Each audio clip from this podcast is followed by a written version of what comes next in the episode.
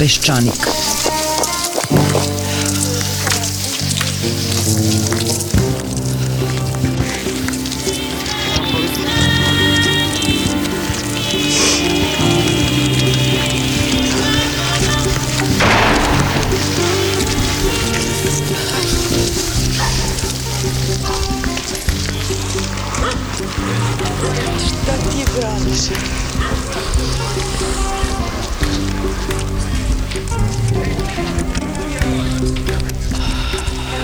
Peščanik.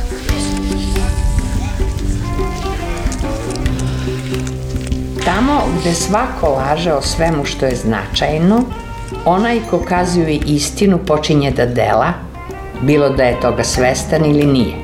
Tako se i on upliče u političku delatnost, jer u slučaju da preživi što nije sigurno, on započinje promenu sveta. Bez obzira što po sobstvenim rečima on i njegova vlada imaju u istoriji nezabeleženu podršku Evropske unije, međunarodnih financijskih institucija, staračkih domova, parlamenta, policije, tužilaštva, domaćih bogataša, futbolskih klubova, što sva istraživanja pokazuju da ogroman deo građana podržava Aleksandra Vučića, on i njegova stranka su odlučili da nam prirede događanje naroda, i to 24. aprila. 24. mart je zauzet, tada je počelo bombardovanje Srbije i simbolika ne bi bila dobra da su se odlučili za taj dan. Događanje naroda je bio naziv za seriju mitinga pristalica politike Slobodana Miloševića. Uvodni miting je bio u Beogradu da bi sve kulminiralo nekoliko meseci kasnije na Gazimestanu. Mitinzi istine ili mitinzi solidarnosti, kako su ih još zvali, navodno su služili tome da skrenu pažnju narodu na nepodnošljivi položaj srpskog naroda u Jugoslaviji. Kraj te avanture započeo je 24. marta 1999. godine kada su se začule prve sirene za uzbunu. Nova verzija događanja naroda započeta je oblepljivanjem Beograda hiljadama plakata sa likom Aleksandra Vučića, a navodno cilj je da se vođi da još više podrške nego što to mogu sve državne institucije, svi mediji, svi emisari Evropske unije, svi strani ambasadori. Aleksandra Vučića očigledno suviše uzrujava, tačnije izbezumljuje što se neki još uvijek otimaju i ne podležu njegovoj harizmi, što postavljaju pitanja, iako je svakome pametnom i dobronamernom jasno da su pitanja kao takva do daljeg ukinuta. Ne smiješ da pitaš kako ste to pregovaralo o železari. Ne smiješ ništa da pitaš o lek specijalicu i Beogradu na vodi. Ne smiješ ništa da pitaš o helikopterskoj nesreći. A ako se ipak usudiš da postaviš takva blasfemična pitanja, nema drugog objašnjenja nego da si patološka ličnost koja mrzi svoju zemlju i sve njene stanovnike. Raduje se poplavama i ekscitirana je kada padne helikopter. I svakoga dana 20 sati intenzivno mrzi Aleksandra Vučića, a sa ono malo snage što mu preostane u ostala četiri sata mrzi ministre ponosob, posebno one iz njegove stranke. Tako da je predstojeće događanje naroda u stvari iznuđena samoodbrambena reakcija kako bi se, što bi rekao Kusturica na onom mitingu posle koga je zapaljen Beograd, neprijatelji naroda prerušeni u miševe sakrili u svoju rupu. U današnjem izdanju Peščanika slušate razgovor koji smo vodili sa istoričarkom Brankom Prpom i sociološkinjom Vesnom Pešić to je jedna vlast koja je opsednuta time da na sve moguće načine se održi na vlasti i ona u neprekidnoj, naj, kako da kažem, borbenijoj kampanji. Svako ko pišne, ruši vlast, na kraju krajeva, evo ja ću izvijem, ja bi stvarno najviše volao da sruši tog Vučića. Mislim, šta je to sad, rušili smo i Miloševića, rušili smo i Tadića, pa šta sad, mislim, a to se onda zove nekom strašnom idejom da se uopšte ruši on. A što se on ne bi rušio? Vi ste stalo izloženi jednu neprekidnu kampanju koja se s i ponavlja. Ja mogu sad da vidim koliko se ponavljaju nekakve stvari. Evo, ponovo se priča o rekonstrukciji. Prvo je bilo prošle godine, već pred kraj negde počeo da priča o te rekonstrukciji. Pa neće da govori o tome nego u januaru. Pa onda u januaru u aprilu. Sad kaže neće u aprilu nego pre te izbore. Čemu to uopšte služi? Prvo, zašto nije izabrao neke bolje ministre? Ja nikad nisam vidjela da neko ima tako katastrofalne ministre i tako katastrofalnu vladu, gde sve kako da vam kaže bukvalno fašisti neki. Eh, potpuno nesposobni šarlatani koji se ne bave svojim poslom, ali je zbog toga represija ogromna, pritisak je ogroman. Već samo to pojavljivanje Vučića neprekidno, u tom upitiku na RTS-u, na Pinku, neki put mi nismo ni svesti dokle ide ta kampanja. Evo recimo ja sam učestvovala, neki dečko koji ima 27 godina, on je organizovao nekakav miting brani i zaštiti. Oni su u stvari hteli da prave nekakav miting kad je trebalo odstraniti Sašu e, Jankovića i onda su oni hteli pred Skupštinu da dođemo, da protestujemo i onda su oni odložili to za 14. mart. Da kaže, da ste vi tog jutra gledali Pink i šta je radio Vučićević, to je bilo strava jedna. To su neki izdajnici koji samo skupljaju. A danas je bilo ukupno sto. Danas nije bilo sto. Da je samo još sto došlo više, bukvalno bi dobili slob živaca. S druge strane, Vučić javljuje što je za mene veoma karakteristično kad govorimo o tom jezivom pritisku, koji mi vrlo često i ne gledamo. A to ide ujutru do uveče, to možete se ne prekida. Studio B samo to radi, Pink samo to radi. Ta presija e, ne prestaje i ja ne mogu to drugčije ne definišem, nego da je to jedna apsolutna koncentracija i tu bih se složila sa Vučićem. Znate, kad on kaže da on radi od jutra do ja bih rekla da on stvar radi od ujutru uveče, ali vlada i on ne rade na nečemu što treba da radi vlada. Ne, on radi od ujutru do uveče na sobstvenoj propagandi. To je jedan propagandizam koji nema početak, kraj i granice. I svjedoč je on rekao, što je vrlo karakteristično, da će oni negdje 24. i 25. maja SNS praviti biting. E da prošli put kad su oni hteli, kad su se pripremili da prave miting, da je njima zabranila demokratska stranka, demokratska stranka je zabranila da prave miting, on je rekao ovako, pa kaže ti ljudi još nisu normalni. Demokratska stranka nama zabranjuje okupljenje građana.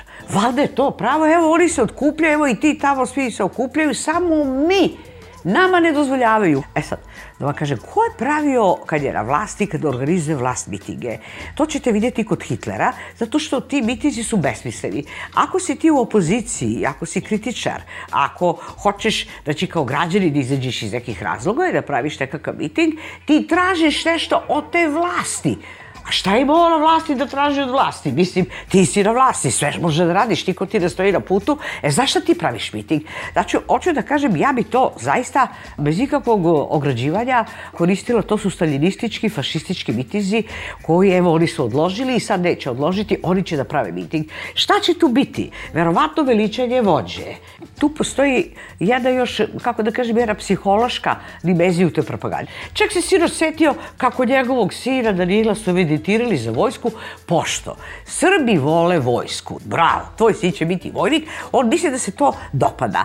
E sad, naravno, tu je ta podela nastala, naravno da nekako je ono što se zove obrazovanijem stanovništvu, da oni to vide, da im se to ne sviđa, da su prilično očeni, da ne mogu to da gledaju, ali on se stvarno 24 sata bavi sobstvenom kampanjom za održavanje na vlasti. Ali, mi možemo da se zapitamo šta stoji iza toga, a da je to to da je jednoj besprimernoj kampanji koja može, kad vidimo sad i taj miting koji priprema, da ako budu došli izbori, ja ne bih, ko što smo već imali iskustvo, ne bih uopšte isključila i fizičku agresivnost. To ne treba kod ovih ljudi isključivati, može se i to očekivati.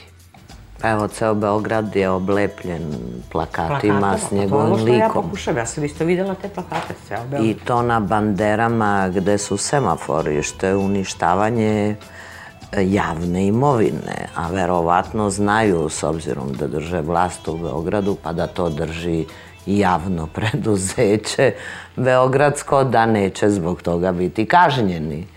Oni oštećuju imovinu grada Beograda. Ja mislim da je to jedan ogromni strah. Što bi rekao naš narod, našla se vila da nije bila. To je grupa diletanata koji glume znanje o državi i institucijama, glume znanje o e, problemima koje oni trebaju da reše. Iz tog razloga nas neprestano zasipaju rečima i objašnjenjima koje zaista morate imati nizak E, stepen inteligencije da biste ta objašnjenja usvojili. Ta objašnjenja su apsolutno infantilna. Dakle, ona pokazuju ne samo nedostatak kompetentnosti za ono o čemu oni govore, nego što su radili više manje uvek, vređaju inteligenciju onih koji ih slušaju. Onda ta potreba, znate, kojem se uvek e, služila radikalna stranka Šešelja, oni preuzeli tu vrstu e, političkog manifestnog ponašanja jeste da vam neprestano mašu nekim papirima, gde oni imaju neke dokaze. Pa onda izvadi dve, tri fotografije nečeg. Pa kaže, ovdje je potrošeno milion eura, pogledajte u kom je stanju. Ili ovako izgleda Sava mala, oni nas optužuju jeli, da smo mi e, uništavamo vizuru Beograda i nešto što je kulturna baština urbanizma jednog starog grada kao što je Beograd, a onda kaže, e sad pogledajte fotografije kako izgleda kad je raščišćeno. Dakle, nađe neke otprilike kartonske E, kuće ili od lima, jel? pa onda sad smo to raščistili i tako dalje i sad smo mi jako napredovali. A on će otići sa ciganima, romima također da se dogovori, da bratski razgovara. Dakle, taj burazerski, intimni razgovor koji on ima sa nama je petparačka priča. Mi smo zarobljeni u jednom političkom kiču, ali najgore vrste. Tako da on ne može čak ni da postigne onu ozbiljnost na koju računa, ni dramatičnost na koju računa, prosto zato što je kič. I posle toga možete samo da se nasmete. Dakle, čovjek ima jako ozbiljnih problema, država je u vrlo teškom stanju. Građani ove zemlje su osiromašeni na način koji je nezabeležen u istoriji Srbije.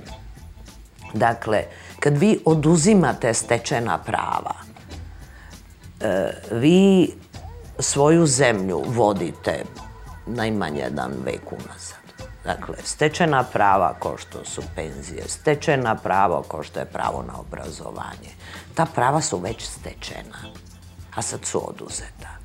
I vi nemate nikakvo objašnjenje za to i mislite da ne trebate da imate objašnjenje za to, osim samo hvalisanje sebe nazivate najvećim modernizatorom i reformatorom u Srbiji. U poređenju sa kim? Sa kim se on to poredi? pa je on najveći. Dakle, mi se nalazimo u strašno teškoj situaciji. Ovo nije normalno. Dakle, vi e, gledate i slušate čoveka koji govori nešto što može biti e, španska, turska, indijska serija i može vam biti smešno do izvesne granice, ali poslije toga se prepadnete. Jer je to sve nenormalno. Ta količina laži, ta količina pokušaja da vas ubedi da to što vidite zapravo ne vidite, jeli, mora negde čoveka da prepadne. I meni je, kad ja njega čujem svaki put, pravo da vam kažem, nije mi dobro. Jer shvatam da smo mi u jako teškoj zapravo situaciji. To što se vodi država na ovaj način, to što je on počeo sad već da upotrebljava kraljevski plural, pa gori mi. Prvo je govorio ja, pa onda mi ja, ali uvek misli na sebe. Građanima otvara prostor ozbiljne brige za budućnost. Onda, pošto nije dobio tu vrstu glorije koje je očekivao, Onda je počelo ruženje naroda. Onda taj narod ne valja zapravo. Onda taj narod su neradnici. A onda oni koji ne rade nek otvaraju firme.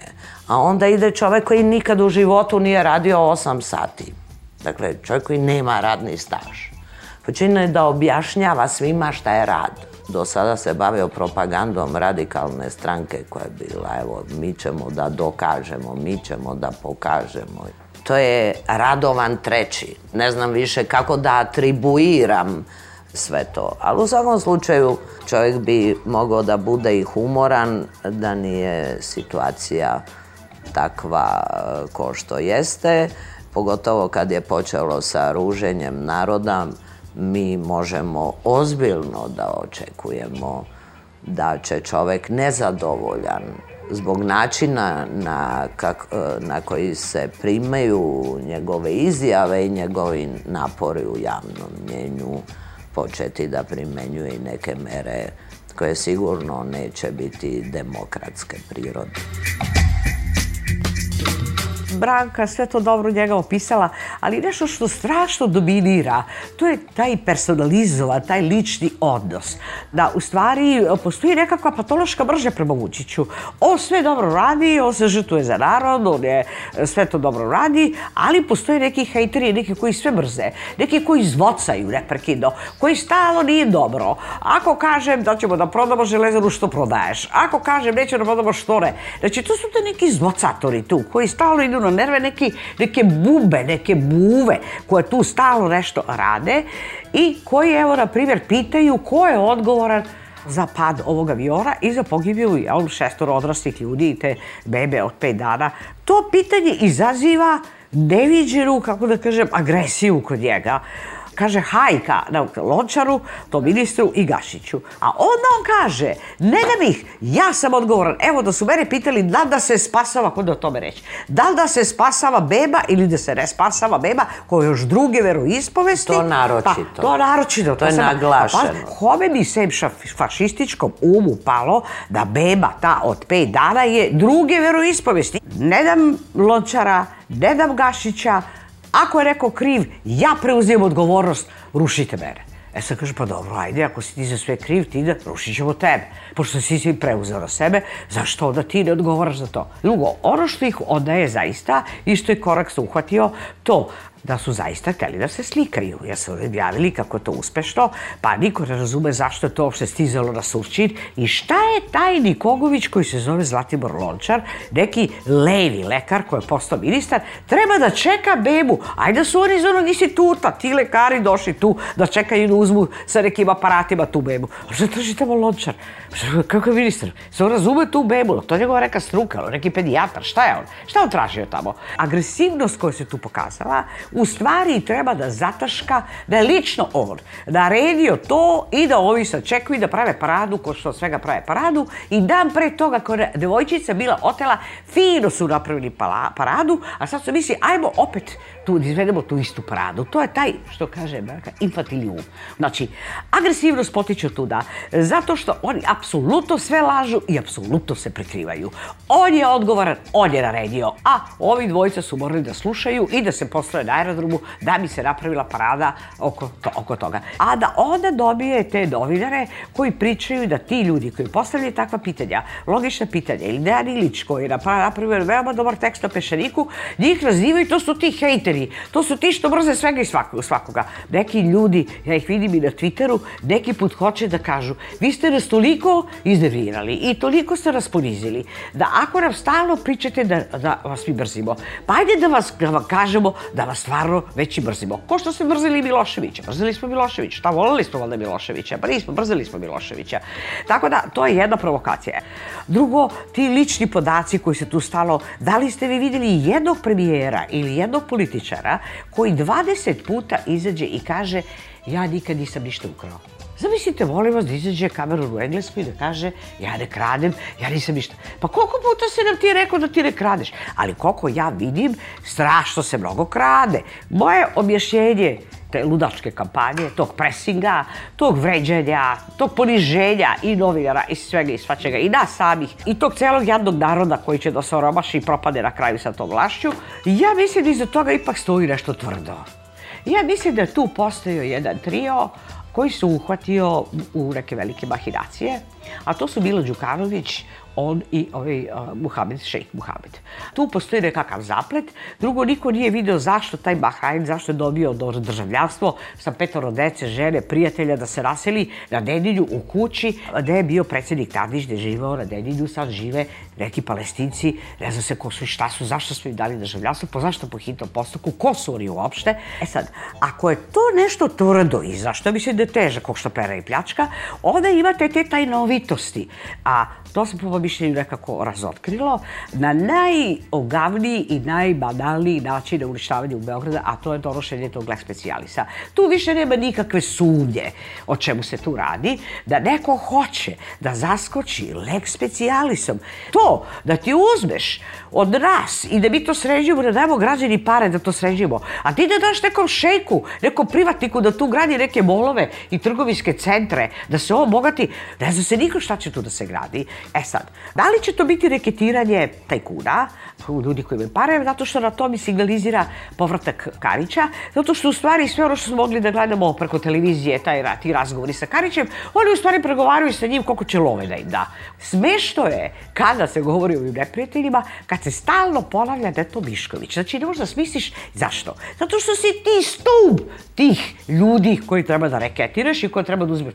Ti si stup srpske oligarhije. A da ne govorimo da taj lek specialis i sve to što se radi, to apsolutno sve zakone, sve zakone ruši. Da li mi imamo pravo i da li je to nekakva naša građanska dužnost da zaštitimo Beograd, grad u kojem živimo od ove agresije i ovog lopovluka da treba ekspropriacijom da se otme taj prostor i da oni to krčme i da daju nekima koji za privata biznis, a strogo je namenjeno javnom interesu. Znači, to je nešto neshvatljivo. Još on sinoć kaže, kada bude lek specijalist u skupštini, ja ću lično. Pa da ti ćeš lično sa kamarilom, da počneš da vičeš na te ljude tamo, kogod otvori usta, ti ćeš da se dereš kako si do sada drao u toj skupštini i to će tako da izgleda. Mene podsjeća to na neku kaligulu, pa vidi neke kule koje će onda digne neke spomenike sebi, ko zna šta tu ima, jer taj psihološki element je kod mučića je veoma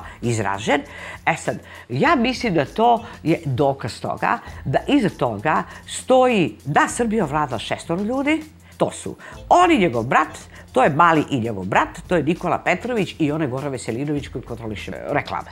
To su njih šestorica uručio svemu. Ništa, ova vlada, rekonstrukcije, priče, ovo, ono, rušenja, oni vladaju. E, plus službe. Jeste vi primetili kad je rekao da on ima dokaze kako Mišković plaća svaki neki kritički glas, opet taj Mišković neće nikog drugog da upetlja zato što mu ti drugi trebaju. Kaže, pa dobro da pokažete te dokaze da Mišković plaća sve te ljude, evo i nas tri ovde, sve plaća Mišković. On kaže, pa ne mogu da pokaže to. Pa zato što je to skupila služba. Pa čekaj, znači, pa što vi policijska država, e, ti skupljaš to, znači ti imaš dokaze koja je tvoja služba, ti si šef te službe. Znači, ta šestorica plus ovi Arapi i plus službe koje drži on, oni vladaju ovdje, a ovo je sve jedna kampanja da se proguraju sljedeći izbori i da se raspisuju i da oni probaju da proguraju i da pljačkaju u jadnu zemlju koja će da završi vjerovatno u mnogo gore medije nego što je sad.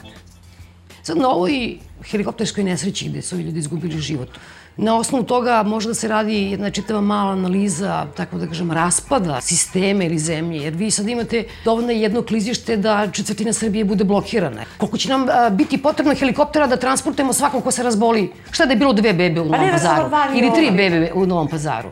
Onda shvatimo da nemamo helikoptere, da nemamo ni medicinske helikoptere, i onda, u stvari, iza toga čovjeka još više hvata panika ne zato što ne preuzimaju odgovornost, nego što vidite da nema ničega, da je to sve jedan simulakrum zapravo. Ajde da kažem da je normalno da kada je nečiji život ugrožen da se bira ono sredstvo prometno, tako da kažem saobraćajno, koje ga može najbrže dovesti do bolnice da mu se spasi život. Ali koliko ja znam, Onda ti helihopteri idu u kliničke centre koji imaju heliodrome. Šta će on nas učiniti? To je zaista pitanje. Onda, kakav je to odbor za doček? To čak izmiče mogućnosti da čovek komentariše na način, a da se sam ne osjeća loše.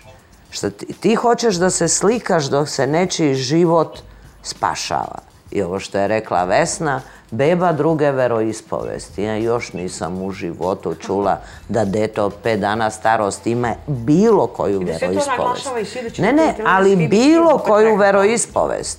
To naglašavanje toga govori zapravo o jednom društvu i o jednom političkom profilu e, gde su te stvari zapravo prostor politi mržnje. Jer on hoće da svoju veličinu iskaže upravo time što on nema to, pa je dete pet dana druge ispovesti, spašavan mu je život. Pa slušajte, vi imate XY primjera gdje se ljudima spašava život i to rade E, u takvim slučajevima pomaže i vojska jer ima prosto te mogućnosti. A to su najnormalnije stvari. Ne možete od toga praviti predstavu. Ne može od toga da se pravi spektakl. Dakle, te stvari čovjek ne koristi za političku propagandu. Nesreća se ne koristi za to. Neki uspeh se koristi za to, nešto otvoriš neku fabriku, cestu, nemam pojma šta god, sećeš trake i onda koristiš to za političku propagandu. Ali da ti nesreće i takve situacije koristiš za političku propagandu, to je apsolutno nedopustivo i zapravo govori, znate, suštinski o neempatičnosti. Još je davno na na Nimberškom procesu, ne znam je li tužioc ili kvazi advokat optuženih, rekao, konačno sam shvatio šta je to zlo. A ga pita, dobro, šta, je zlo? A je rekao, nedostatak saosećanja. I kad ti vidiš vlast koja nema saosećanja ni prema tragičnim trenucima u životu pojedinaca, ni sa osjećanja prema svojim građanima na način da se ruže za to što su nezadovoljni jer su im plate svedene ispod egzistencijalnog minimuma ili zato što nemaju posla, ono ukazuje na ozbiljan nedostatak osjećanjem I to nije dobro i takvi ljudi na vlasti su jako opasni. Dakle, sve je to bolesna predstava u, kojoj čovjek počinje sam sebe da štipa. To nam se isto dešalo pod Miloševićem. Ujutro se uštineš da vidiš da li ti egzistiraš ili ne egzistiraš ili si došao u polje kvantne fizike da u stvari stvarnost koju ti vidiš ne postoji, nego postoji zato što je ti vidiš. Dakle, došao si u strašno metafizičke dileme oko postojanja stvarnosti koja ti se sugeriše, jer ti tu stvarnost vidiš drugačije. Dakle, ovo su sve jako teški trenuci e, za ovu zemlju, za građane ove zemlje mi smo u jednom beketovskom komadu, ne znam kako se zove ona drama, dva lika koje e, žive jedan i drugi, žive svaki u svojoj kanti za smeće i onda dižu poklopce i ovaj, vode dijaloge. Mi razgovaramo, svaki svoje kante za smeće, jeli o tome šta je to što e, možemo e, da očekujemo sutra. Mi smo u apsolutnom i totalnom nihilizmu. I to je ono u čemu smo bili kad je bio Slobodan Milošević. A sad nam je Vulin poručio da svako onaj ko je protiv Slobodana Miloševića jeste neprijatelj Srbije, slušajte, post festum. Smo saznali da smo opet neprijatelji Srbije ko što smo bili e, kad je bio Slobodan Milošević. Da imamo protiv Slobodana Miloševića da poručimo Vulinu ponovo i ćemo 101 razlog zašto imamo protiv Slobodana Miloševića. Koji protiv njega? Koji je također bez jednog jedinog dana radnog staža. Voli čovjek da docira e, u javnosti šta je to rad, šta je to obaveza. Svi naprave strašno ozbiljna lica, jel tako? I mi gledamo loše glumce i glumatanje na razne ozbiljne teme od kojih e, građani imaju egzistencijalnu strepnju i sa kojima se bude kao morom svakog jutra. To su stvari iz koje ja apsolutno ne vidim izlaz, zato što ovde nemate razumnu kategoriju za dijalog, vi vidite jednu apsolutnu nerazumnost, vi E, e, imate situaciju u kojoj je ukinut društveni dijalog. ukinut je prostor javne reči. Paš me briga što ti misliš da te mi kritikujemo. Dakle, moj, prostor slobode jeste prostor e, javne reći i društvenog dijaloga. Možda nećemo uopšte da govorimo o tebi, ali ti moraš da otvoriš taj prostor. Ne možeš taj prostor da ograničiš. Ne možeš da ga ukineš, a on je ukinut trenutno. Dakle, mi nemamo samo nemogućnost da kritikujemo čoveka koji je državu proglasio svojom. Njegova je država. On je država. Nego vi više ne možete kao pojedinci ili kao grupe da vodite društveni dijalog o problemima, da debatujemo uopšte kako će da žive ovi mladi ljudi sutra, preko sutra, nako sutra. Kako će da žive nerođeni? Kakva je ovo zemlja postala? I kakvi smo mi ljudi na kraju? Da li i nama nedostaje ta empatija ili saosećanje koje čini razliku između dobra i zla? Ovoga puta ne možemo da govorimo samo akterima ove vlasti ili e, onome koje personifikuje na ovaj način, mi moramo da govorimo i o sebi. Znate, niko vam ne daje prostor slobode. Prostor slobode se osvaja. Dakle, to je prostor koje mi moramo da osvojimo, mi moramo da preuzmemo odgovornost za sobstveni život i mislim da više ništa od njih ne treba da očekujemo, mi moramo ovu situaciju da alterniramo i moramo da započnemo društveni dijalog oko toga kako iz ovog svega da se izađe vi imate jednu samovolju koja ruši. Mi nemamo sud ni u minimumu. To je potpuno rasulo. To je onaj štrajk advokata veoma dobro pokazao. Da su oni pustili da cijelo sudstvo ne radi 4-5 mjeseci zbog toga što hoće da istražuju očiglednu korupciju. Istražuju bivši sud. Ne zna se ko je sad u kasacijalnom sudu, ko sad to vodi, kako se ošte te sudije. što Biljko Radostavljević. to je, misli, zaista posljednjo dno da. Znate, i on je njega preuzeo od Borisa Tadića zato što toliko ima putara na glavi da on bukvalno radi na dugme. Znači, te institucije su potpuno propale i naravno da je i ta vojska i ta policija. Znači, te osnovne državne institucije, znači vlade nema, parlament je uništen i sad ta samovolja, imamo samo tu manipulaciju i tu samovolju. Postavlja se pitanje šta je kad naiđete na takav sistem, znači kako iz toga i zašto nam je problem da iz toga izađemo?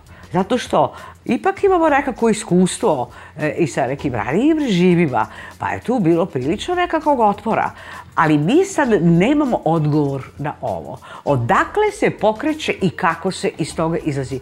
Pravo da ovo kaže, mene to pitanje sada najviše opseda. Zato što ne mogu da nađem odgovor. Nekako mi se čini, kad je malo pregovoreno o toj empatiji, da je došlo do nekakve promene da Svako brine samo svoju brigu. Brineš o svoju brigu, a da uopšte nema ono što se u teoriji zove socijalni kapital. Meni je na kraju krajeva dobro, ja bi mogla u stvari da spustim roletne, da gledam tenis i da ništa u stvari ne znam o tome. Tako da mi ne možemo da pronađemo vezu između ljudi. Ta se veza raskinula. Tako da ja gledam i demokratsku stranku. Ona ne može više da napravi vezu ni da svake nedelje ima predsjedništvo. Znači da se sastanu svake nedelje. A istovremeno, pošto se ima na Twitteru, tu postoji još jedan, jedan iscrpljivač te mobilizacije energije. Zato što vi imate niz tih anonimnih ljudi eh, na tim društvenim mrežama. O, lepo se na Twitteru, lepo i živi, legne da spava i gotovo. Znači, on misli da je nešto uradio, ali to je virtuelno. To, to ne postoji, to postoji samo na društvenim mrežama. Prema tome, oni se i žive, moj utisak da se i žive na društvenim mrežama. Čak sam i ja sebi uhvatila u isto tome kako da kažem, ljudima se čini da su aktivni, ali u stvari nisu aktivni. Znači, nama je potrebno da dođe do nekakve mobilizacije ljudi, da hoće da se, da se druže, da se povežu i da krenu u nekakve ozbiljne akcije. I ja to uzimam sad kao glavni test za to. Hoćemo li uspjeti da se odbranimo od tog lek specijalista i tog Beograda na vodi ili nećemo? To je krupno, na tome se sve prelama. I to nije čak ona čista politika da kažeš neka stranka koja sad ne znam neka vlada u i ovo ono, nego to je pitanje grada koji građani imaju prava da odbrane. Znači, ako tu ne odigramo, pa onda mislim, može da seći i glave da terazijem. Pre neki dan je bila godišnjica ubistva Zorana Đinđića. Koliko god smo se mi slagali, s njim ne slagali, debatovali, svađali, to će Vesna da potvrdi. Nekako smo sa tim 5. oktobrom i onim svim što je inkarnirala nova vlada Srbije, mi kao društvo ušli u nekakav risorčimento. Mi smo dakle poverovali da sada imamo šansu da kreiramo jednu drugačiju budućnost. Velika energija je stajala iza tog preporoda kako smo ga mi osjećali. Bili smo goli i bosi. Ta količina propasti je bila zastrašujuća ali ta energija s kojom smo pojedinačno i kolektivno krenuli u tu obnovu, verujući da smo sad izašli iz te tamne rupe i da postoji mogućnost, koliko god to bilo teško, da mi promenimo svoj život i definišemo drugačiji sudbinski put, je naglo prekinuta. I to kako? na najbrutalniji mogući način. Tog trenutka je zapravo i ubijena to osjećanje da možemo da promenimo taj sudbinski put. Bilo je strašno puno zla, krvi i zločina u deceniji pre toga. Da bi se jedan pokušaj da se iz toga izađe završio na jednako krvav način. To je po mom mišljenju, vrlo dramatično zapravo gurnulo celo društvo u jedno stanje skepse koja je proizvela onda i tu vrstu statičnosti. A i kako su se počele smenjivati elite političke, tako da ih nazovemo, oličene u vladama od Koštunice i koalicijonim vladama od Koštunice, pa onda do demokrata koje su na jedan put imali sporazum o pomirenju sa SPS-om. Sve je pa se zapravo... izvini što te prekida, pomirio si i sa SNS-om. Da, da, a onda je SNS e, e, stvorio. Nije se on pomirio, nego on stvorio SNS.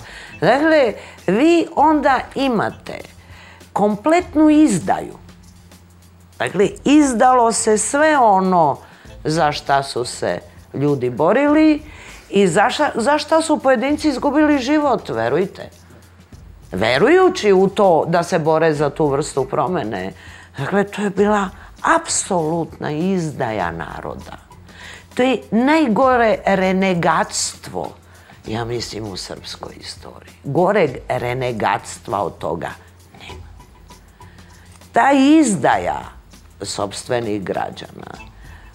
Ta vrsta gubitka vere u politiku i političare je suštinski ubila svaku vrstu društvenog i političkog delovanja. I kohezije, I kohezije društvene. Jer ne samo što nema empatije, nego ljudi mi smo neprestano u krvi i zločinu.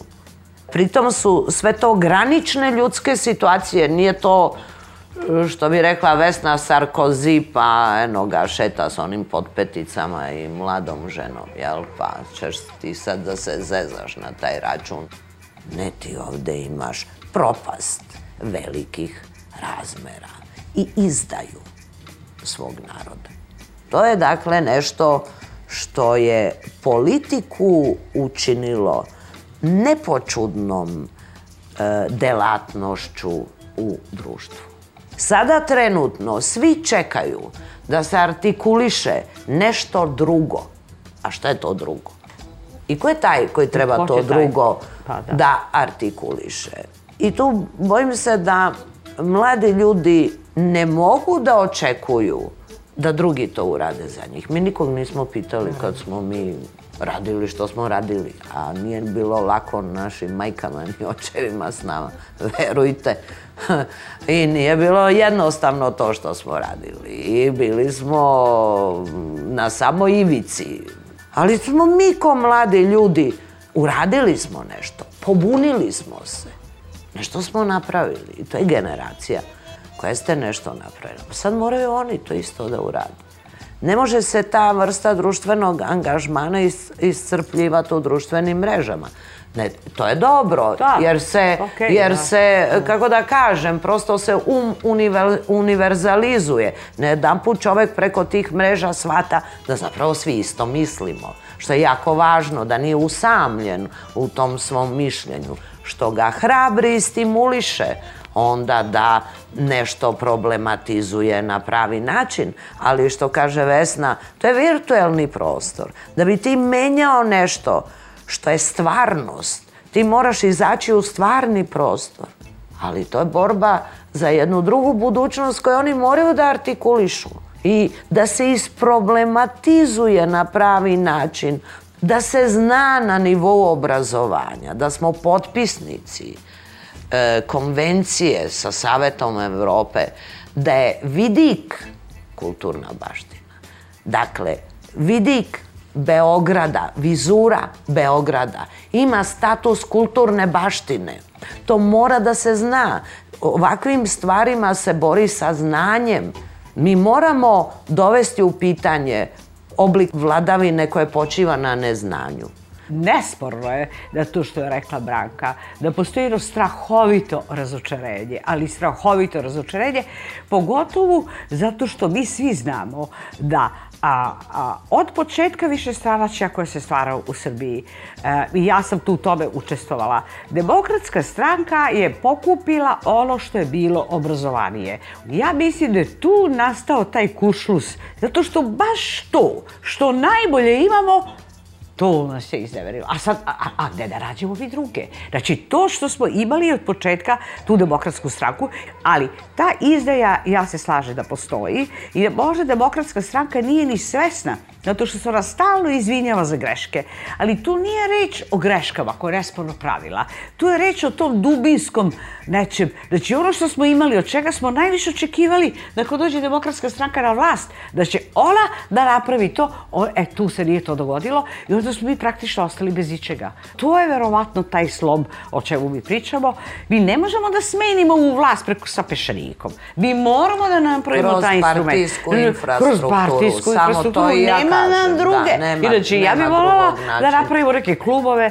Mi ne možemo pobediti u vlast uopšte, ne možemo je ne, zaista srušimo. Ako voli to, e da je srušimo, ako se ne napravi jedan politički instrument. Znači, nema bez toga ništa. Tako da je vrlo teško da se tu dađe sada nekakva forma da se obnovi naš politički pluralizam. Znači, to je moja poenta. Bez toga, ako mi ne uspemo to, ova će manipulacija i dalje i može da se desi da se to u uruši nekako samo od sebe i ko zna, evo što smo i rekli, šta se onda dešava kad se nešto samo od sebe uruši, a nema nekakvih snaga koje imaju tu nekakav plan.